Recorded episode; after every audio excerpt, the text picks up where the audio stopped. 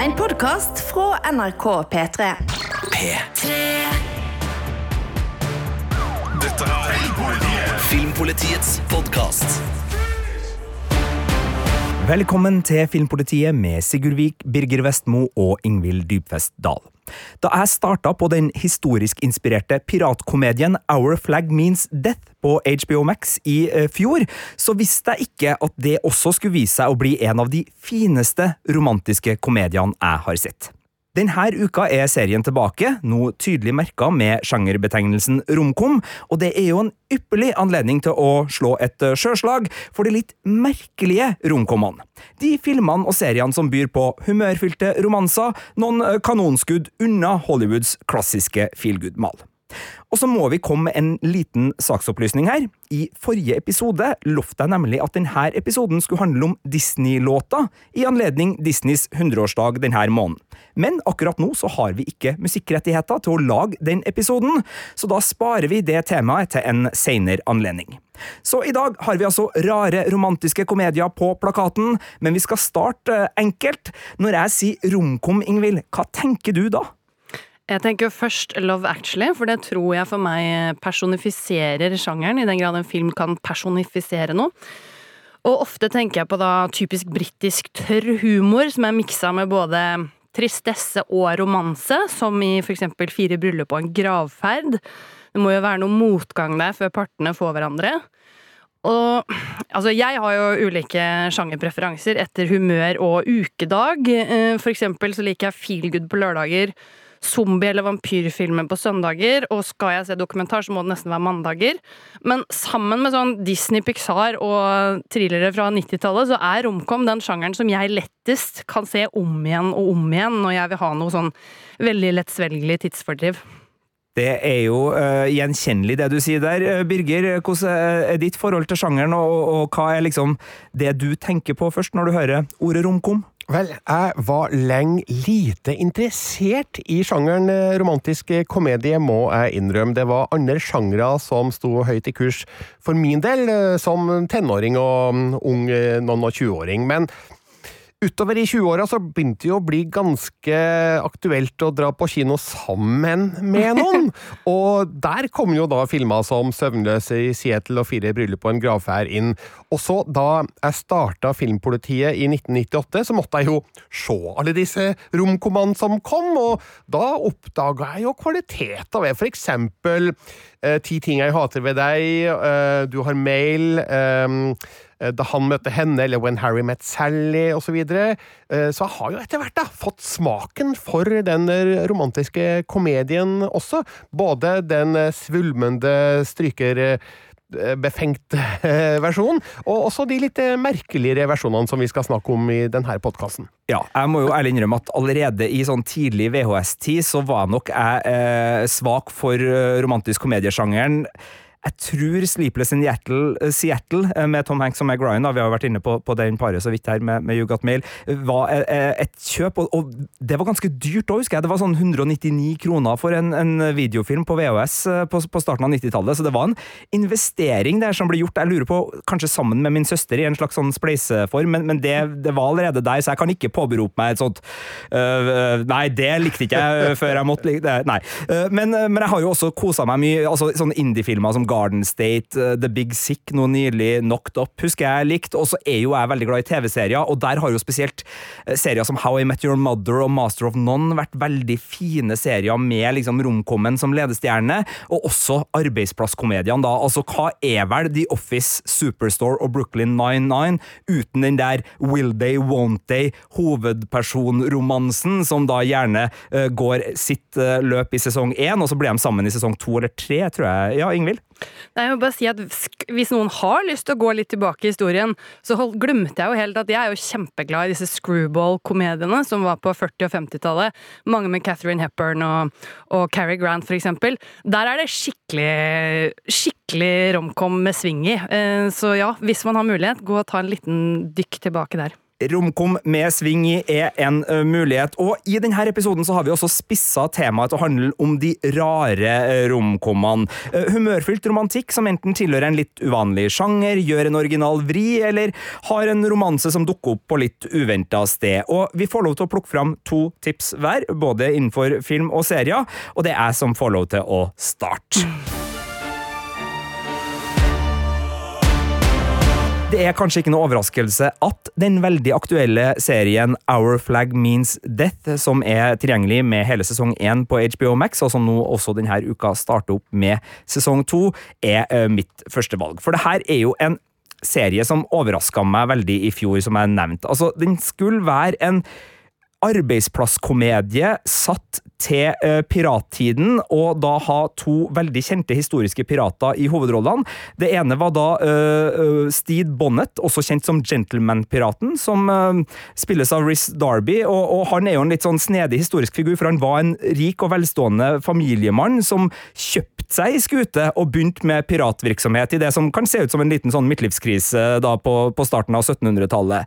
Den andre er Edward Teach, også kjent som Blackbeard, eller Svartskjegg på norsk, en veldig kjent og berykta pirat. Og det var sånn i historien, og det her er eh, sånn som det var, at de to møttes, altså de samarbeida en periode der rundt, jeg tror det var i 1718 eller 1717. Så det var liksom de historiske begivenhetene, og med et ganske rart mannskap så var jo Steed Bonnets eh, litt sånn udugelige inngang til piratlivet også en inngang for en morsom arbeidsplasskomedie. Taika Waititi spiller da den andre hovedrollen som, som Svartskjegg her. Eh, det var bakgrunnsinfoen. Eh, Det starta som en arbeidsplasskomedie. Det var masse eh, humor rundt liksom mannskapet og alle disse hverdagsbekymringene man kan trekke inn i piratlivet. altså Når myndighetene er på jakt etter deg, når du ikke helt vet hvordan skuta fungerer, når du ikke vet helt hvordan du skal få mat, og ikke minst når du stadig blir bora av blodige, blodtørstige konkurrenter. Altså Det lå mye humor der, og jeg syns det var vittig og artig.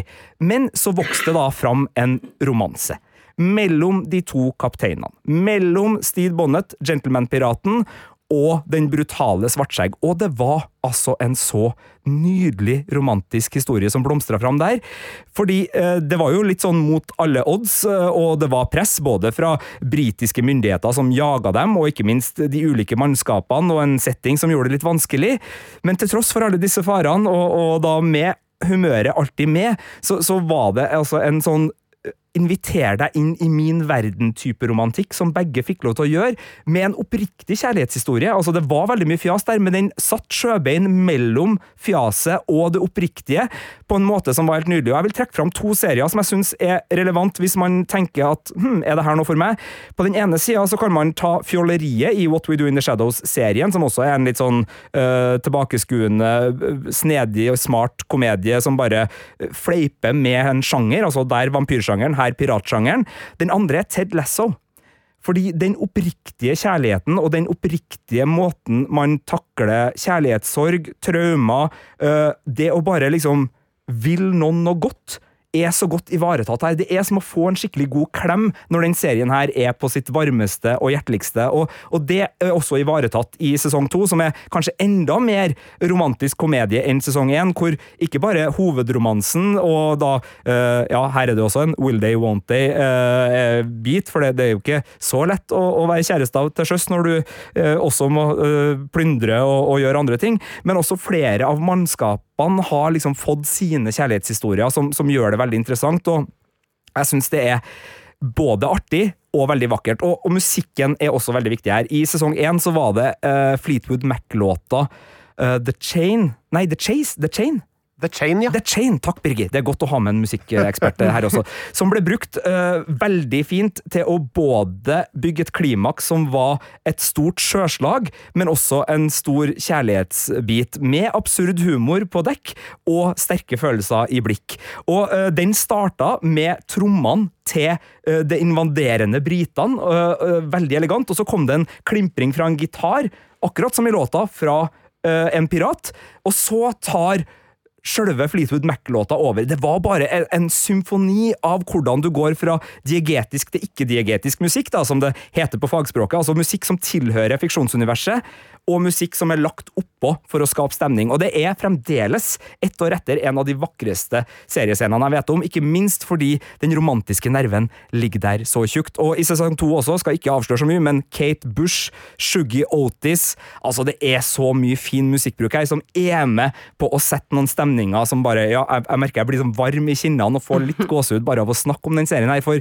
ja, den er fjollete, ja, den er tullete, og den er litt sær, så den er ikke for absolutt alle, men Our Flag Means Death på sitt beste er romant altså det er romkommen jeg ikke visste at jeg trengte. Og Den er da å finne på HBO Max. Der ligger hele sesong én ut, som sagt. Og, HBO, og, og, sesong to begynner nå å gå med ukentlige episoder. Det blir åtte totalt. Jeg har sett sju av de åtte episodene i sesong to, eh, og kommer nok til å være veldig på terningkast fem eh, for den her. Eh, selvfølgelig litt spennende, da, all den tid finaleepisoden ikke er gitt oss anmeldere, enten fordi den ikke er ferdig, eller fordi HBO Max er småsadistisk og ikke ønsker at vi skal få den komplette opplevelsen. Hvem vet? Det er vel sikkert det førstnevnte.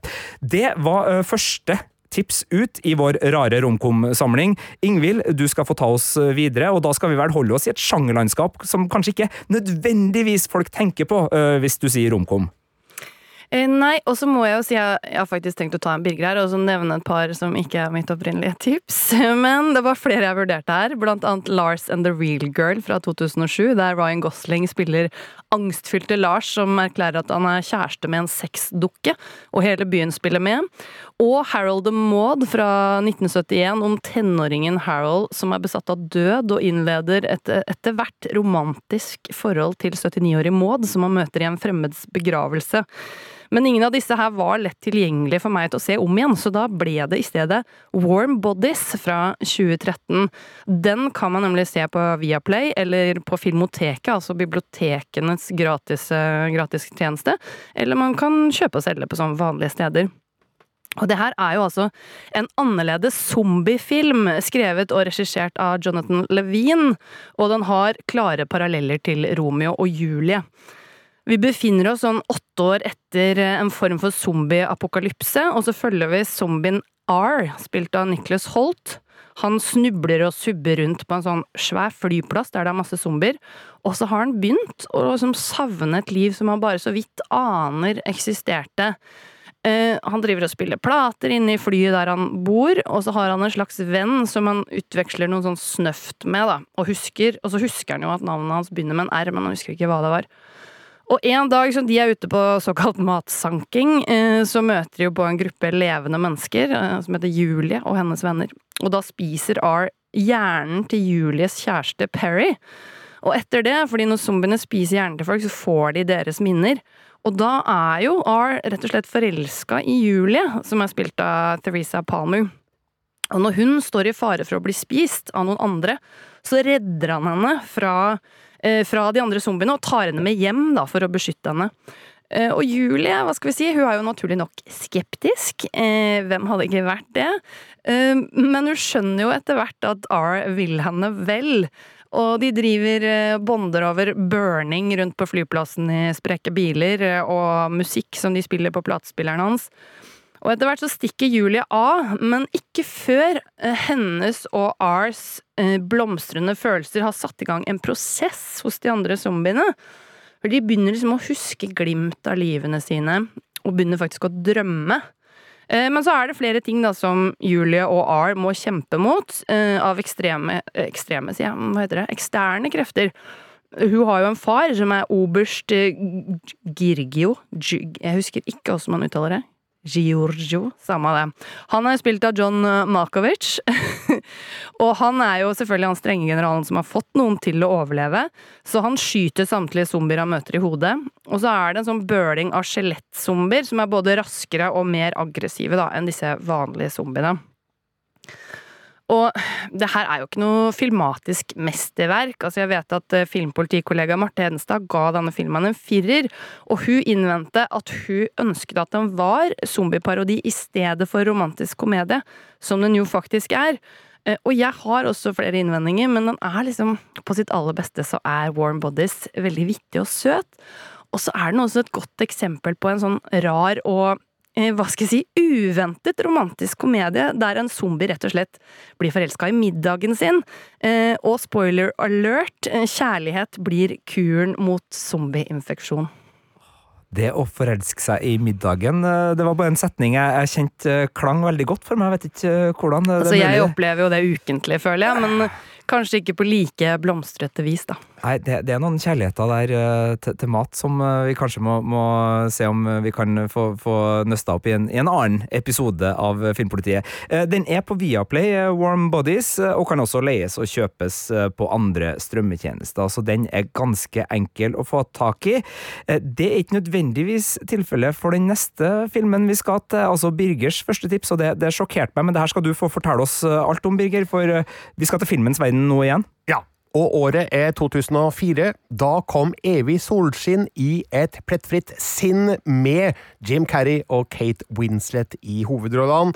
Stor film, kjente skuespillere, eh, kjente folk bak, men allikevel helt utilgjengelig på strømming, dessverre. I hvert fall for tida. Eh, Men den fins å få tak i på 4K UHD, på Blu-ray og på DVD.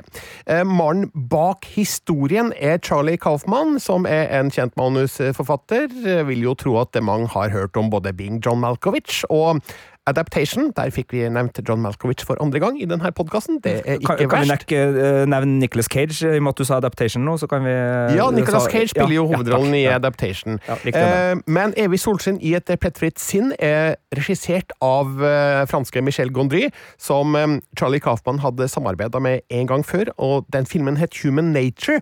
Den likte jeg ikke så godt, husker jeg, så jeg stilte jo da til Evig sol- solskinn i et plettfritt sinn med litt sånn avmålte forventninger, men ble blåst i bakken. Um, jeg ga terningkast seks til den filmen, eh, og kalte den en av de mest romantiske filmene jeg har sett. Og det utsagnet står jeg fremdeles ved, sjøl selv om jeg, nå kjenner jo på kroppen at eh, oi, nå er det litt for lenge siden jeg har sett filmen, så den skal jeg nå få, få ja, søkt opp, eller eh, eh, ta frem disken av, som jeg selvfølgelig har i videohylla mi.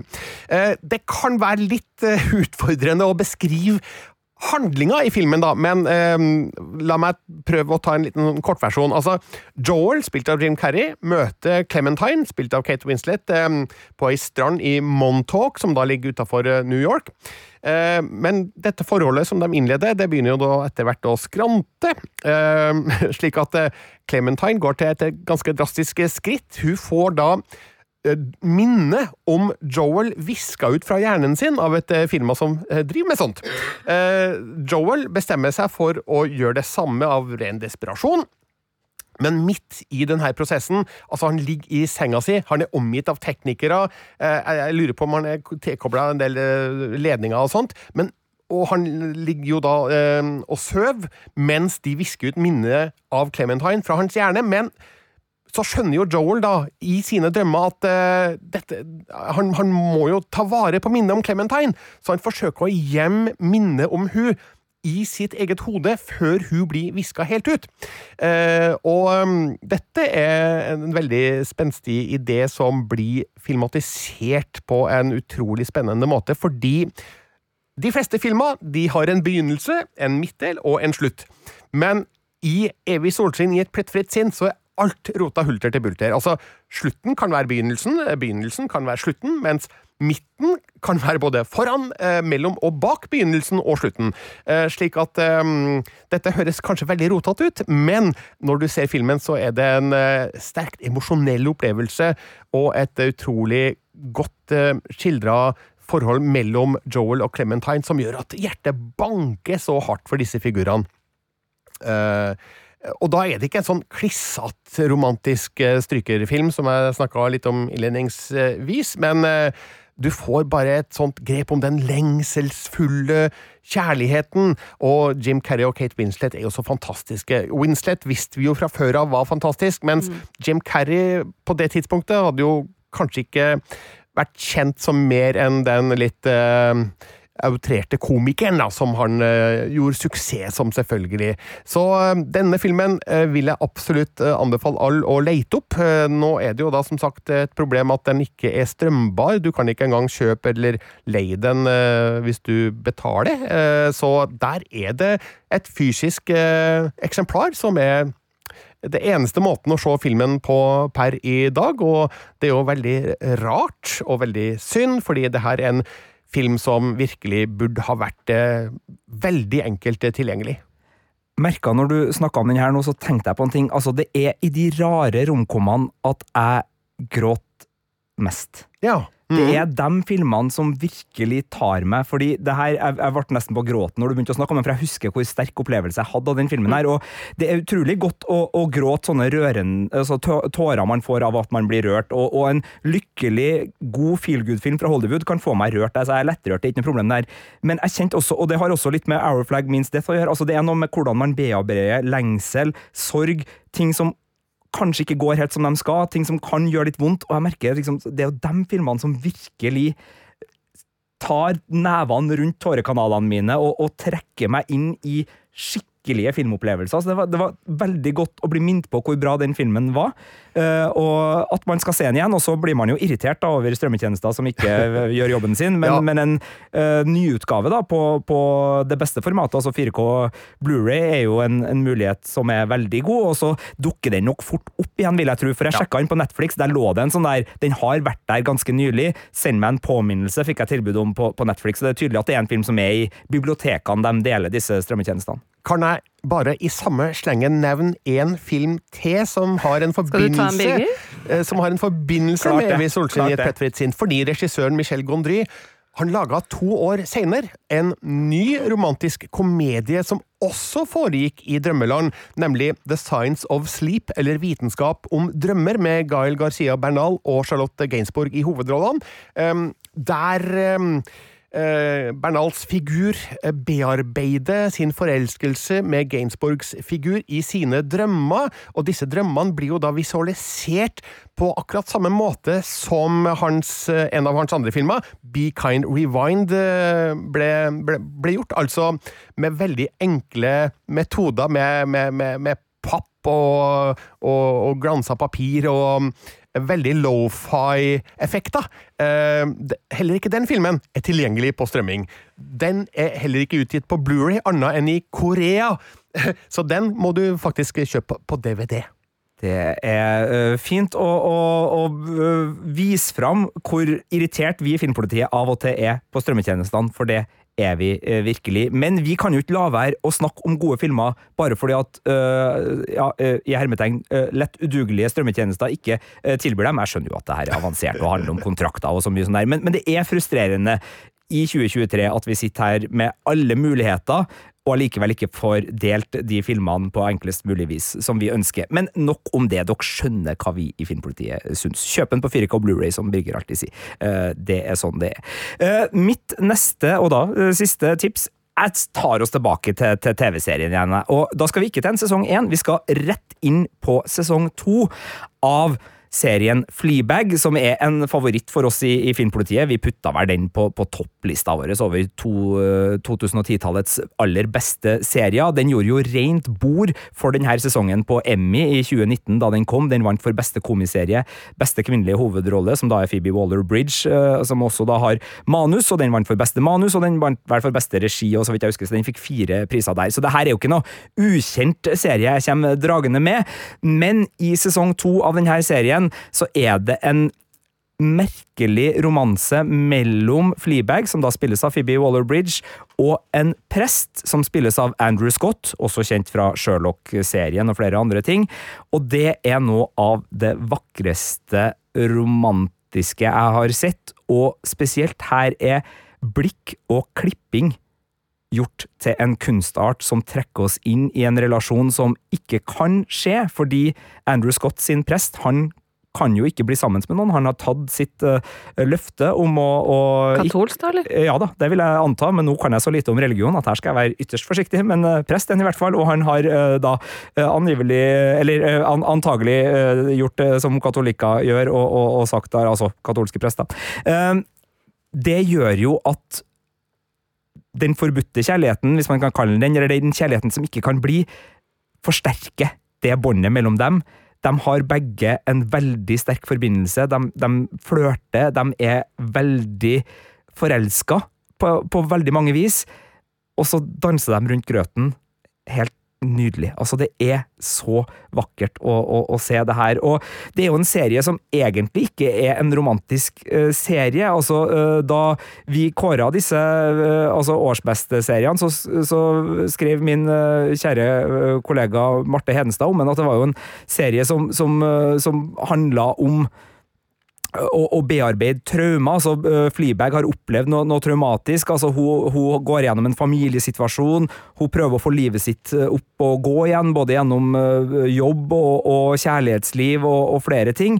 Men, men, men den, den, er liksom først og fremst bare en, en, dramakomedie om en hovedperson som har det veldig vanskelig. Men i sesong to så syns jeg det er nok romantikk rundt det her forholdet. Så, og jeg skal ikke si at uh, hvordan det ender, for det, det, det tar noen uventa vendinger, det her uh, forholdet mellom de to, og, og, og det er virkelig verdt å, å, få med seg. Men da syns jeg den, den er innafor segmentet rare romkoms likevel, selv om det ikke er en uh, sånn utprega romantisk serie, men den handler mye om kjærlighetslivet til Fleabag, så sånn sett så er den jo godt innafor over begge sesongene, men det er spesielt, spesielt sesong to, da. Og så må jeg jo si, altså, øh, det er jo noe med øh, å ha to så fantastiske skuespillere som Phoebe Waller-Bridge og Andrew Scott i en sånn relasjon, for de gjør jo at de blikkene er så utrolig sterke. Og, og, og det er en åpningsreplikk mellom de to hvor uh, de deler en sigarett utenfor en restaurant hvor det har skjedd veldig dramatiske ting, altså blodig dramatiske ting, på en familiemiddag. Og øh, måten han starter øh, denne flørtinga med å bare si 'well, fuck you, then', med det påfølgende blikket Fytti rakkeren, altså. Det er, det er så bra! Det er så bra! Eh, det ligger på Amazon Prime. Eh, Birger, du har vel også sett Fleabag og, og kosa deg, hvis jeg husker riktig? Definitivt. Altså, det var jo et så innmari friskt pust det Phoebe Waller-Bridge kom med der. Altså ikke bare hun sjøl, men eh, også den figuren og den historien som egentlig bare skriker etter å bli utvida mer. Altså, to sesonger var ikke nok med Fleabag, så kom med mer. Og uh, bare for å nevne det, for jeg vet at det her er jo noe som kan irritere. altså Den har en veldig spesiell fortellerteknikk som du er litt skeptisk til av og til, Ingvild? Ja, jeg føler jeg er det eneste mennesket på jordet som ikke ble bitt av fleabag-basillen. Og det henger jo mye sammen med at de bryter den fjerde veggen, altså ser rett i og adresserer kamera. Som jeg innimellom syns kan være hard kost å svelge. Det artige med akkurat det elementet er at Andrew Scott er, det er vel den eneste rollefiguren i serien som uh, kommenterer at uh, Phoebe Willer-Bridge sin uh, hovedperson bryter den fjerde veggen. Ja. Inne i uh, blant de tre veggene. Det ble veldig meta. Ja, det ble veldig meta. Nok om den. Ligger på Prime Video, to sesonger. Sesong to er et uh, rar romkom-tips. Ingvild, uh, vi skal holde oss i serieverden. Reis til Netflix og få enda et rart romkom-tips fra deg. Ja, Vi skal også holde oss til ordet fuck, for det er tydeligvis noe vi setter pris på her i Filmpolitiet. Nei da. Men jeg har valgt meg ut serien The End of the Fucking World. Det vil si, på Netflix ligger det jo sånn prikk, prikk, prikk inni ordet, sånn at vi ikke skal støte noen. Eh, men det er nå det det står for. Og dette er en britisk serie som kom på Netflix i 2017, og den tok i hvert fall meg med storm. Det er jo en slags sånn Badlands-inspirert road-serie om to sosialt mistilpassa britiske 17-åringer som bestemmer seg for å stikke av fra familiene sine. Og da har de jo kjent hverandre i hele én dag, hvis jeg husker riktig. da de gjør det. Serien er basert på en tegneserie av Charles Foss Forceman. Eh, han, den var amerikansk, men dette er altså erkebritisk. Handler om Alyssa, spilt av Jessica Barden, og James, spilt av Alex Laughter. Og begge sliter jo med ulike ting i fortiden sin eh, og hater såkalt normale folk. Eh, James er ganske sikker på at han er psykopat. Eh, da han var liten, så stakk han hånda si i frityrkokeren for å prøve å føle noe. Og han har lenge holdt på med å drepe dyr, da. Og fra han stikker av med Lyssa, så fantaserer han også om å drepe henne med jaktkniven sin, og det ser vi i sånne sterke visuelle fantasibilder som plutselig kommer. Og Alice er den impulsive, utagerende og rappkjefta av de to, og hun styrer egentlig det meste som de gjør. Man kan tenke at dette høres ikke ut som en sånn veldig koselig romantisk komedie. Og koselig er den ikke, men underveis på rømmen altså, skjer det noe sånn helt eh, skjellsettende. Jeg skal ikke røpe det, for jeg skal holde det litt mystisk for de som har lyst til å se, for det burde dere hvis ikke dere har sett. Men det skjer noe helt skjellsettende som gjør at James skjønner da, at han kanskje ikke er psykopat likevel, og de to skjønner at de faktisk har eh, følelser for hverandre. Og den serien her er både sort komedie, krim og en slags road movie. Heter det road-serie når det er serie? Ja, i hvert fall dere skjønner, skjønner hva det er. Men den romantiske biten her da blir som en sånn liten varmepakke i den eh, kalde og kyniske verden som James og Alyssa lever i. Og det er det som gjør den så fin, da, syns jeg. Det her er ikke sånn Jeg tror faktisk ikke jeg grein av denne serien her, men den er sånn fin. Du kjenner det inni deg oppi alt det der brutale og fæle, at det liksom kommer sånn. Så jeg har sett eh, nesten hele sesong to også, men jeg vil jo si at det først og fremst er sesong én som jeg anbefaler som en sånn ekstremt rar variant av romantisk komedie. Ja, for jeg har ikke sett sesong to fordi jeg syns det var perfekt med sesong én. Det er en Ja. av de seriene Den fikk vel terningkast seks av kollega Marte Henstad her i Filmpolitiet, så vidt jeg husker. Eh, og eh, jeg likte jo veldig godt at du trakk inn filmen Badlands eh, som et eksempel her, fordi i den der True Romance, Badlands, uh, ja, Bonnie and Clyde, da, hvis man skal gå langt tilbake i tid, og Natural Born Natural Born Killers, Mm. absolutt. Altså, det er, I den type serie, eller altså filmlandskap, så, så er det både referanser og, og likheter her som gjør at den har liksom nok kanter og, og litt sånn tarantinoske trekk til å, å funke veldig godt som en sånn serie, men det er jo som du sier, altså, også den, den relasjonen i midten der, og humoren, eh, som gjør at den passer utmerket på en eh, sånn dag som dette, hvor de rare romkoms eh, hylles. Det er virkelig en godbit. Netflix har da både sesong én og selvfølgelig sesong to, hvis noen ønsker å følge opp eh, det her. Eh, Birger, vi skal vel til filmens verden igjen når vi vender tilbake til ditt eh, siste rare romkom-tips? Det skal vi, og vi skal til en film som faktisk er tilgjengelig for kjøp og leie digitalt. Og da skal vi til en romantisk komedie som eh, du kanskje ikke griner av, men du kommer til å flire mye av den, og det er Crybaby fra 1990 i regi av eh, kultregissør John Waters. Og um, det mest spesielle med filmen er at det her er Johnny Depps første hovedrolle på film. Altså, han hadde spilt i film før, han debuterte vel i A Nightmare on Elm Street eh, i 1984, men så gikk det da seks år før han fikk sin første hovedrolle, og det er da rollen som eh, ja, selveste Crybaby, eller Wade Walker, som han egentlig heter. Eh, Vi er tilbake på 1950-tallet her, og det her er jo både en hyllest til og en parodi på Grease og andre gamle filmer med ungdomsforbrytere i et 1950-tallsmiljø. Eh, Wade Walker leder nemlig da Drapes, som er de utagerende dongeri- og skinnjakkekledde villstyringene som står i opposisjon til Squares, som da er de skjorte- og eller kjolekledde besteborgerne. Så er jo da Alison, den snille jenta som er lei av å være skikkelig, og hun vil heller bli sammen med Crybaby, men eh, hennes eh, tidligere venner i Squares de kan ikke være bekjent av det her, og legger en slu plan for å sette en stopper for eh, forholdet. Tell me more, tell me more! Ja, ikke sant? Nemlig. Men det her er en helt vidunderlig film. Den er morsom. eh, Det er helt ekstremt fargerike figurer i den, bortsett fra Johnny Depp sjøl. Så spiller den da fremtidige talkshow-stjerna Ricky Lake en, en, en rolle her. Iggy Pop er med, og ikke minst Tracy Lords, som kanskje er et litt glemt navn i dag, men da filmen kom, så var hun veldig notorisk kjent, eh, fordi eh, på 1980-tallet var hun eh, pornostjerne. Det vil si inntil man oppdaga at hun var bare 15 år, da eh, hennes eh, mest kjente filmer ble innspilt. Eh, hun slo seg jo da over på en karriere som seriøs skuespiller i ordentlig film, da. Det gikk vel bare sånn passe, men hun er morsom i Crybaby. John Walters er jo kjent for en del litt mer eh, vågale komifilmer, eksempel Polyester, eh, som kom på starten av 1970-tallet. Også kjent for sin eh, Hairspray, som kom i en remake eh, litt seinere, som var litt snillere, da. Eh, Men eh, med Crybaby så gjorde han sin første store studiofilm, eh, som gjorde at han måtte nok legge litt bånd på seg. Eh, Filmselskapet ville ha PG-13-grense, altså 13 års aldersgrense i, i USA.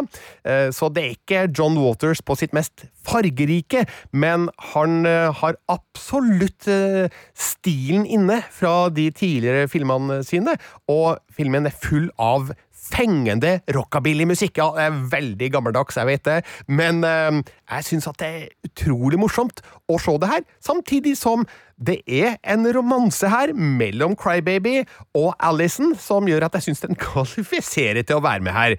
Eh, men som sagt, du griner ikke av det her. Eh, Du, blir ikke grepet, men du blir skikkelig mora. Du blir underholdt, og eh, det er et festlig fyrverkeri av figurer og eh, en historiepastisj da, over eh, romkom-sjangeren, som jeg syns står seg veldig bra.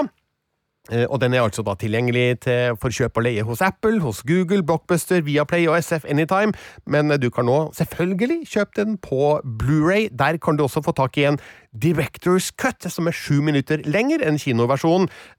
Fremdeles ikke John Waters i det slemmeste hjørnet, de ekstra minuttene der, men jeg syns at det var en, en morsom utfylling da, av noen av figurene og situasjonene i den originale kinoversjonen, som også er tilgjengelig på Blu-ray. Så Crybaby fra 1990, kongefilm. Tusen takk, Birger, og tusen takk, Ingvild, for eh, nydelige, rare romkom-tips. Det var altså Our Flag Means Death ute på HBO Max, Warm Body, som kan ses på Viaplay og leies og kjøpes, Eternal Sunshine of the Spotless Mind, eller Birger på norsk, Evig solskinn i et plettfritt sinn. som vi dessverre ikke kan strømme for tiden, eh, men den kan kjøpes fysisk. Så var det Fleabag sesong to, den er ute på Prime Video. Det var The End of the Effing. eh, jeg, jeg, passer på litt, da, Ingvild, og si eh, effing. Nei da! The End of the Fucking World sesong én på Netflix, og Crybaby, som kan kjøpes og leies på flere strømmetjenester. Da håper vi at vi har inspirert til litt eh, romantikk-titting for høsten, og hvis du ikke syns de her tipsene hørtes ut som noe som helst for deg, og du heller vil se Tom Hanks og Meg Ryan finne kjærligheten i et eh, høstidyllisk og postkortvakkert New York, så ligger altså You Got Mail på Viaplay, og til kjøp og leie stort sett overalt. Takk for oss. Lørdagsrådet Lørdagsrådet hver lørdag fra 9 til 12. Hva har Odd Nordstoga, Ingrid Gjessing, Else Kåss Furuseth, Mikkel Niva, Hilde Skaar, Jenny Skavlan, Lars Berrum, Martin Lepperød, Linnea Myhre, Maria Stavang og Galvan Mehidi til felles? Jo, de møtes jevnlig her i Lørdagsrådet for å løse dine problemer. Hvis du sender de inn til oss på mail lr at nrk.no. Lørdagsrådet hver lørdag fra 9 til 12. P3.